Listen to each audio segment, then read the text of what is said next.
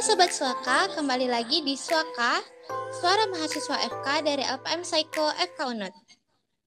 Podcast Suaka hadir kembali nih membawakan topik seputar kesehatan faktual yang tentunya dikemas secara menarik bersama dengan narasumber-narasumber kita yang terpercaya. Nah, sebelumnya aku mau sapa-sapa dulu nih Sobat Suaka semuanya. Apa kabar semuanya? Semoga selalu dalam keadaan sehat ya.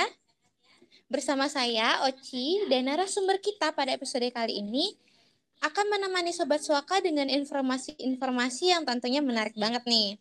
Langsung saja kita simak bersama-sama ya. Nah, Sobat Suaka, sedikit info nih untuk Sobat Suaka. Bahwa setiap tanggal 1 Juni, masyarakat di berbagai negara di belahan dunia memperingati Hari Anak Internasional atau International Children's Day. Hari tersebut merupakan momen penting untuk menghormati dan memperhatikan hak-hak anak, serta meningkatkan kesadaran tentang perlindungan, pendidikan, kesehatan, dan kesejahteraan anak-anak. Nah, mengupas lebih jauh terhadap kondisi kesehatan anak, sebagai mahasiswa kesehatan, tentunya nih, kita harus memperhatikan lebih serius terkait kesejahteraan kesehatan anak-anak. Nah, pada topik kali ini kita akan membahas tentang fenomena pemenuhan nutrisi pada anak, baik dari permasalahan nutrisi yang ada hingga bagaimana sih mengupas mengenai cara pemenuhan nutrisi yang tepat pada anak sehingga nantinya dapat mengurangi dan mencegah permasalahan nutrisi tersebut. Sobat suaka atau tidak? Bahwa pada saat ini masih banyak sekali dijumpai permasalahan-permasalahan terkait pemenuhan nutrisi pada anak di Indonesia. Permasalahan tersebut antara lain nih adalah stunting. Tingkat stunting di Indonesia masih tinggi.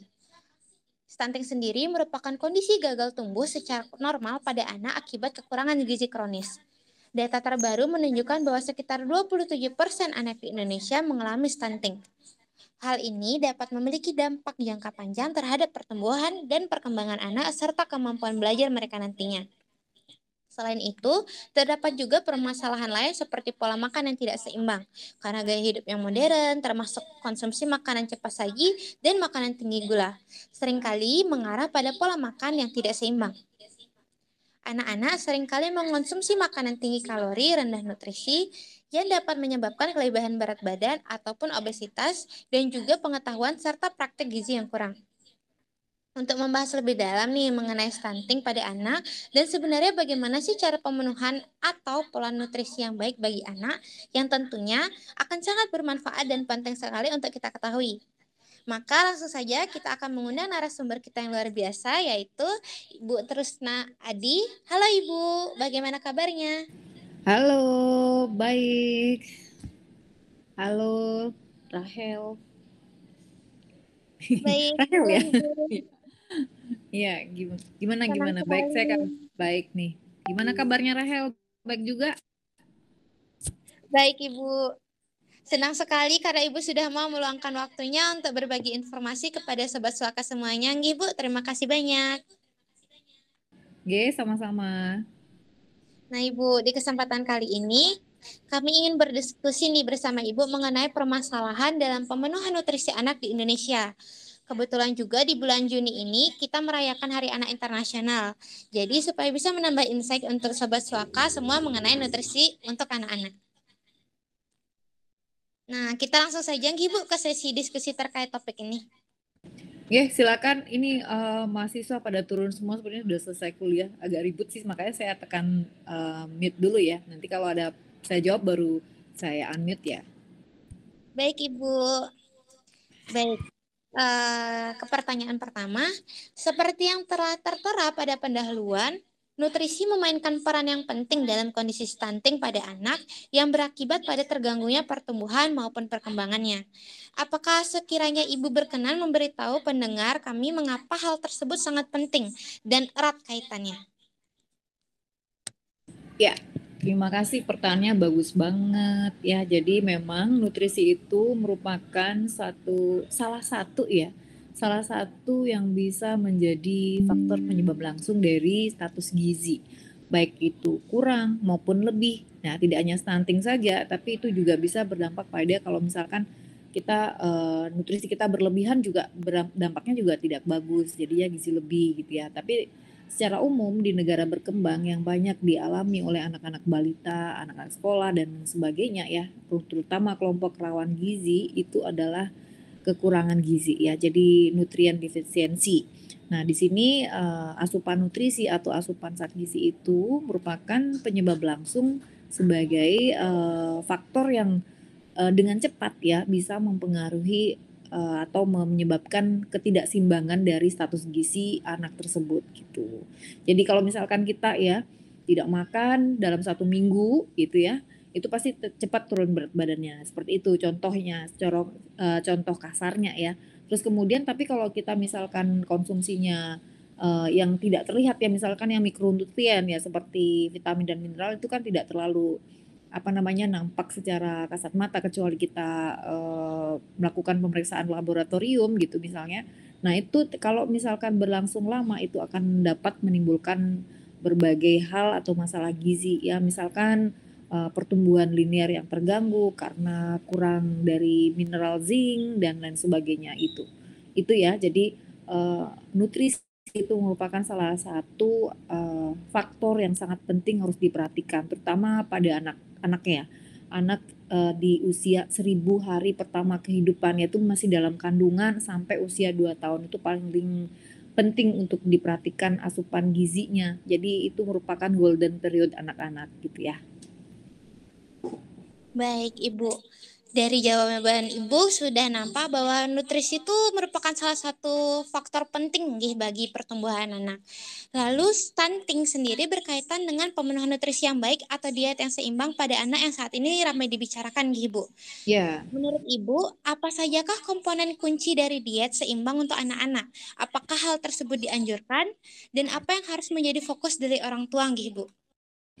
Ya, sebenarnya uh, kunci penting ya untuk pemberian makan pada anak untuk mencegah stunting. Ini kita bicara mengenai stunting. Jadi stunting itu kan uh, masalah gizi kronis. Jadi tidak hanya tidak cepat terjadi hilang sekarang nggak makan langsung stunting gitu enggak ya. Tapi kalau nggak makan ya berat badan yang mungkin akan terlihat jelas ya. Tapi stunting itu kan terkait dengan pertumbuhan linear atau pertumbuhan tinggi badan yang prosesnya itu berlangsung lama ya.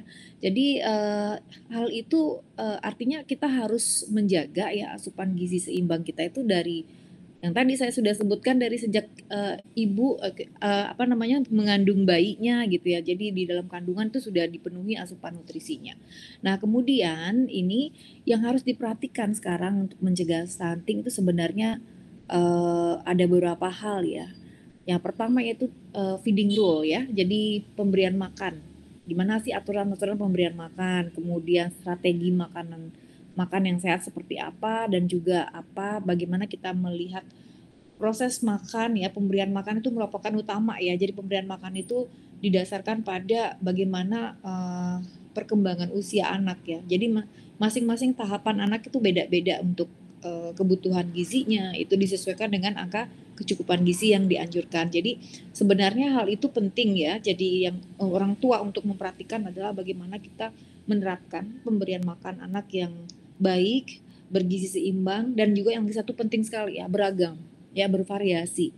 Jadi dalam sekali makan itu anak-anak harus mendapatkan uh, semua zat gizi yang diperlukan dengan memakan makanan berbagai jenis gitu ya. Tidak hanya um, sayuran saja, tidak hanya buah-buahan saja, tapi juga ada protein hewani, protein nabati gitu.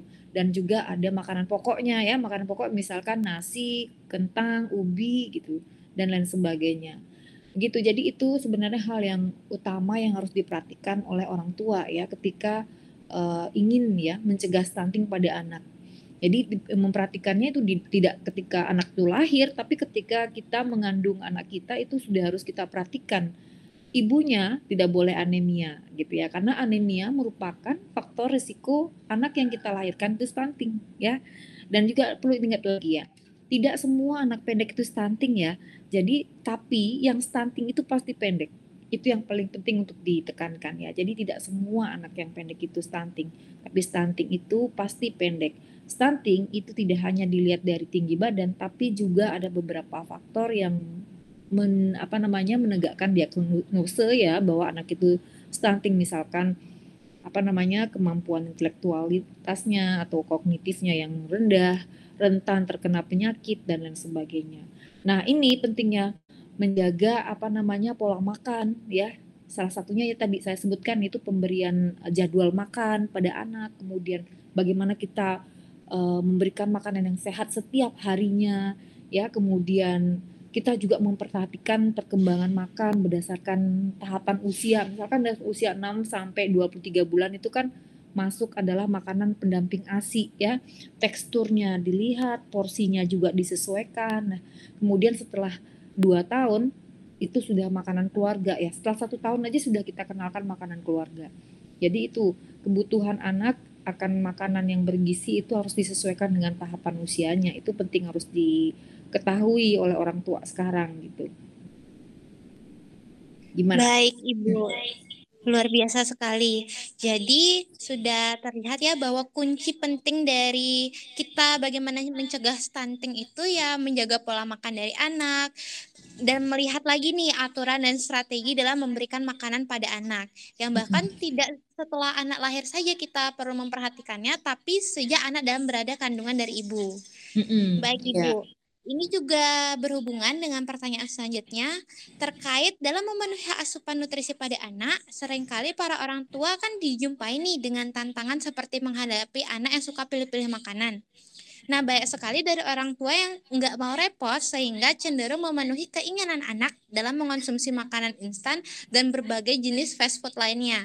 Lantas, strategi apa yang sekiranya bisa Ibu sarankan untuk mendorong anak mencoba makanan baru dan membuat waktu makan tuh jadi lebih menyenangkan, Ibu? Ini pertanyaan yang bagus ya. Dan biasanya banyak dialami oleh ibu-ibu yang anaknya sulit makan. Jadi untuk uh, apalagi ibu yang bekerja, ibu yang bekerja itu kan waktunya sedikit ya. Jadi kadang uh, kurang sabar untuk memberikan uh, apa memberikan makan pada anak, terutama anaknya yang memang picky eater ya. Itu atau pilih-pilih makanan, ingin uh, tidak mau sayur dan lain sebagainya. Dan itu jadinya ibunya memilih untuk memberikan makanan instan tadi ya. Uh, makanan instan yang biasanya kalau makanan instan itu tinggi kalori ya, tinggi kalori, tinggi lemak garamnya juga tinggi. Nah, itu juga berbahaya untuk ke depannya dan kelebihan uh, kalori atau energi atau lemak yang dikonsumsi itu berdampak pada resiko obesitas pada anak. Ya, tidak hanya itu saja, berbagai macam bahan makanan tambahan ya juga ditambahkan pada uh, makanan instan tersebut, misalkan pewarna, perasa, dan pengawet dan sebagainya. Nah, itu kan berbahaya kalau kita konsumsi dalam jangka waktu yang panjang. Karena akumulasi dari bahan-bahan tambahan pangan yang berbahaya itu tidak dengan cepat bisa terlihat tapi juga nanti ketika sudah dewasa atau sudah tua itu baru terlihat bagaimana dampaknya. Nah, gimana caranya supaya nanti ini ya strateginya gimana nih ketika anak-anak itu sudah mulai pilih-pilih makanan apa yang uh, saya biasa sarankan ya yang pertama sih uh, gini dulu, apa namanya kita uh, untuk ibu ya kadang nggak susah juga ngasih tahu ya sabar gitu. Kadang saya juga nggak sabar, saya juga punya tiga anak. Ya, ketika memberikan makan itu merupakan suatu apa namanya suatu kegiatan yang sangat-sangat membutuhkan kesabaran. ya kalau anaknya mau makan dengan lahap itu nggak apa-apa, jadi ibunya dengan gembira ya uh, apa namanya memberikan makan. Kita udah masak capek-capek terus anaknya nggak ternyata nggak mau makan ini tambah gimana gitu ya. Dan nah sekarang ini gimana sih strateginya? Pertama ya kita memang harus bisa mengenalkan makanan baru. Atau mulai apa namanya merubah atau mengurangi makanan yang uh, instan tersebut. Saya sama sekali tidak maksudnya saya melarang ya. Jangan makanan instan enggak. Saya bisa uh, tetap uh, apa memperbolehkan jika orang tua itu memiliki pilihan untuk memberikan makanan instan. Tapi dengan cara bagaimana? Kalau misalkan usianya MPASI ya periode MPASI itu usia 6 bulan sampai 23 bulan. Nah ketika memberikan MPASI itu kan banyak ya makanan instan yang cepat jad, apa sudah bubur yang udah jadi dan sebagainya. Kita tambahkan makanan yang uh, alami ya. Misalkan dalam satu bubur itu yang udah instan itu kita tambahkan uh, rebusan wortel atau telur ya. Kita rebus telur kita tambahkan di sana. Intinya makanan yang instan itu harus ada didampingi oleh makanan yang sehat. Begitu. Jadi itu harus sejalan. Nah, pelan-pelan kita bisa menggeser makanan yang instan itu menjadi makanan yang lebih sehat lagi.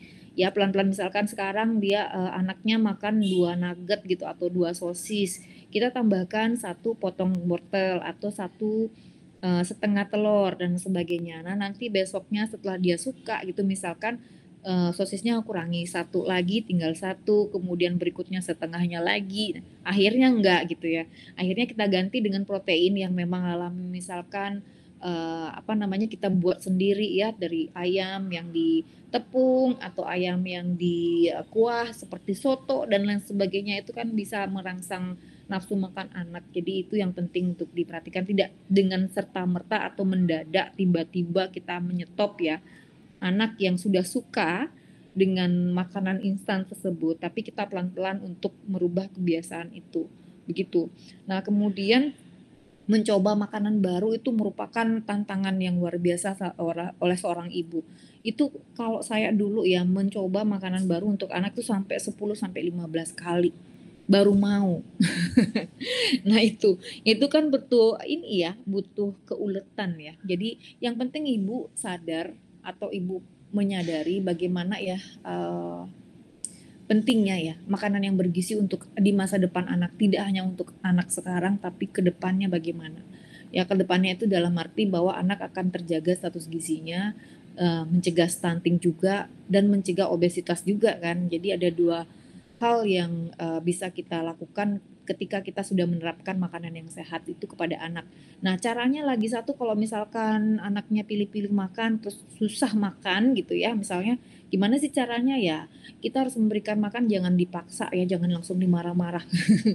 terus kita harus responsive feeding namanya ini. Responsive feeding artinya kalau anaknya sudah tidak mau ya udah tunggu dulu sebentar gitu kalau misalkan anaknya sudah uh, tunggu 10 menit dulu, kemudian kasih lagi. Kalau enggak ya udah tutup dulu gitu. Jangan dipaksa sampai anaknya sampai nangis-nangis kan gitu.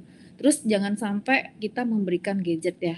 Maksudnya ada TV, ada apa tuh uh, mainan, HP apalagi supaya anaknya mau makan jadi teralihkan ke sana sebenarnya itu yang banyak yang dilakukan oleh ibu-ibu ya. Jadi banyak memberikan gadget, kemudian memberikan apa namanya uh, pil, apa namanya semacam pengalihan jadi supaya anaknya mau makan. Nah, itu itu penting. Terus mengajak anak makan bersama juga bagus ya. Jadi ketika melihat orang tuanya makan dengan lahap, anak juga mungkin selera makannya akan naik.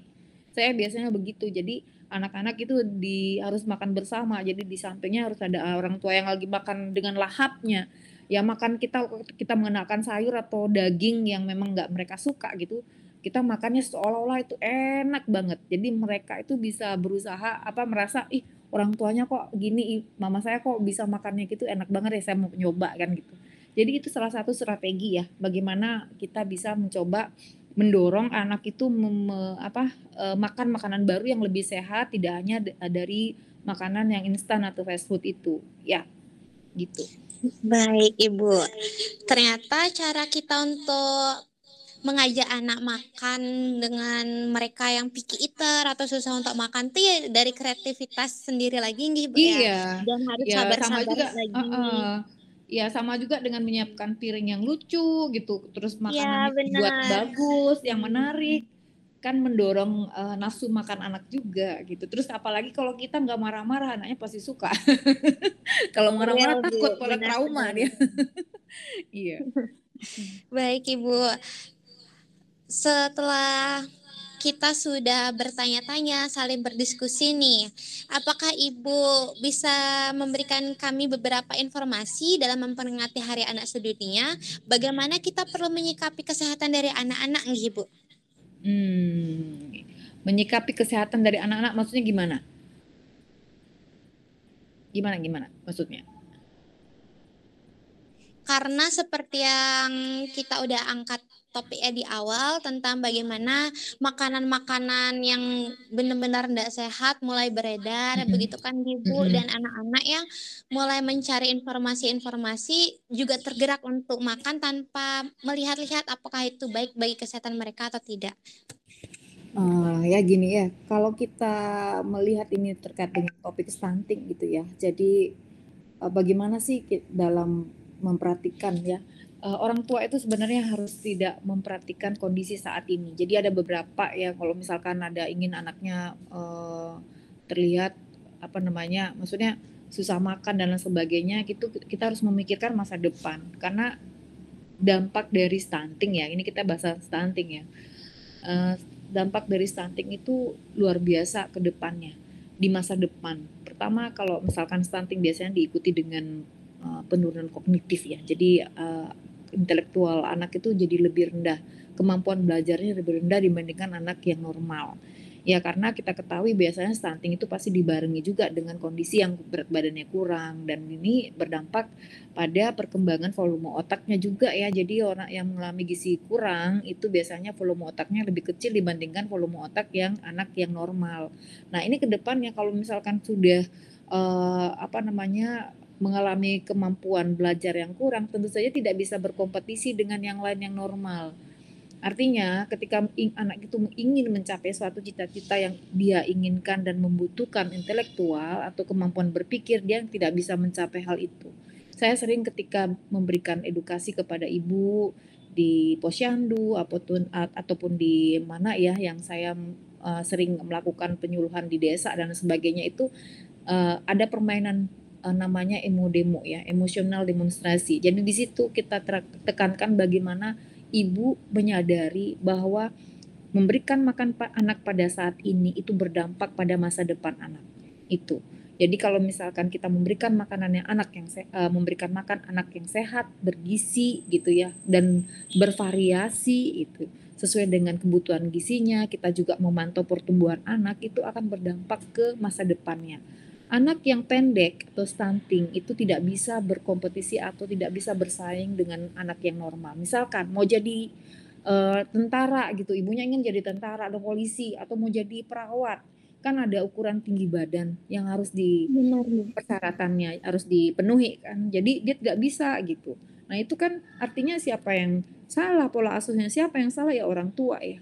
Pola asuh orang tua sangat menentukan bagaimana anak ke depannya ya kemudian dia bersaing mencari universitas mau nyari FK gitu. Ternyata dia kemampuan belajarnya kurang. Ya karena asupan gizinya waktu uh, dalam kandungan sampai dua tahun pertama itu kurang atau menderita stunting. Nah itu jadi dia tidak mendapatkan apa fakultas kedokteran gitu misalkan contoh ya. Terus kemudian nanti ketika dia mendapatkan uh, dewasa dengan kemampuan kognitif yang rendah atau kemampuan belajar dan produktivitasnya rendah otomatis apa yang akan terjadi? Ya ekonominya ya pendapatannya juga rendah karena dia akan bekerja sesuai dengan kapasitasnya.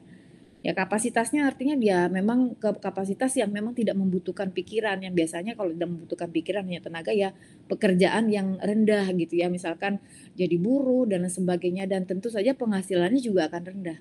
Demikian. Jadi ibu atau orang tua ya jangan ibu aja ya bapaknya juga ibu dan bapak juga harus diberikan itu konsep apa pengertian itu bahwa memberikan makan pada anak saat ini itu sangat berdampak pada uh, masa depan anak kita gitu aja benar baik Baik, wah keren banget ya iya. Sobat Suaka penjelasan dari narasumber kita yang sangat-sangat bermanfaat dan membuka pandangan kita terkait kesehatan.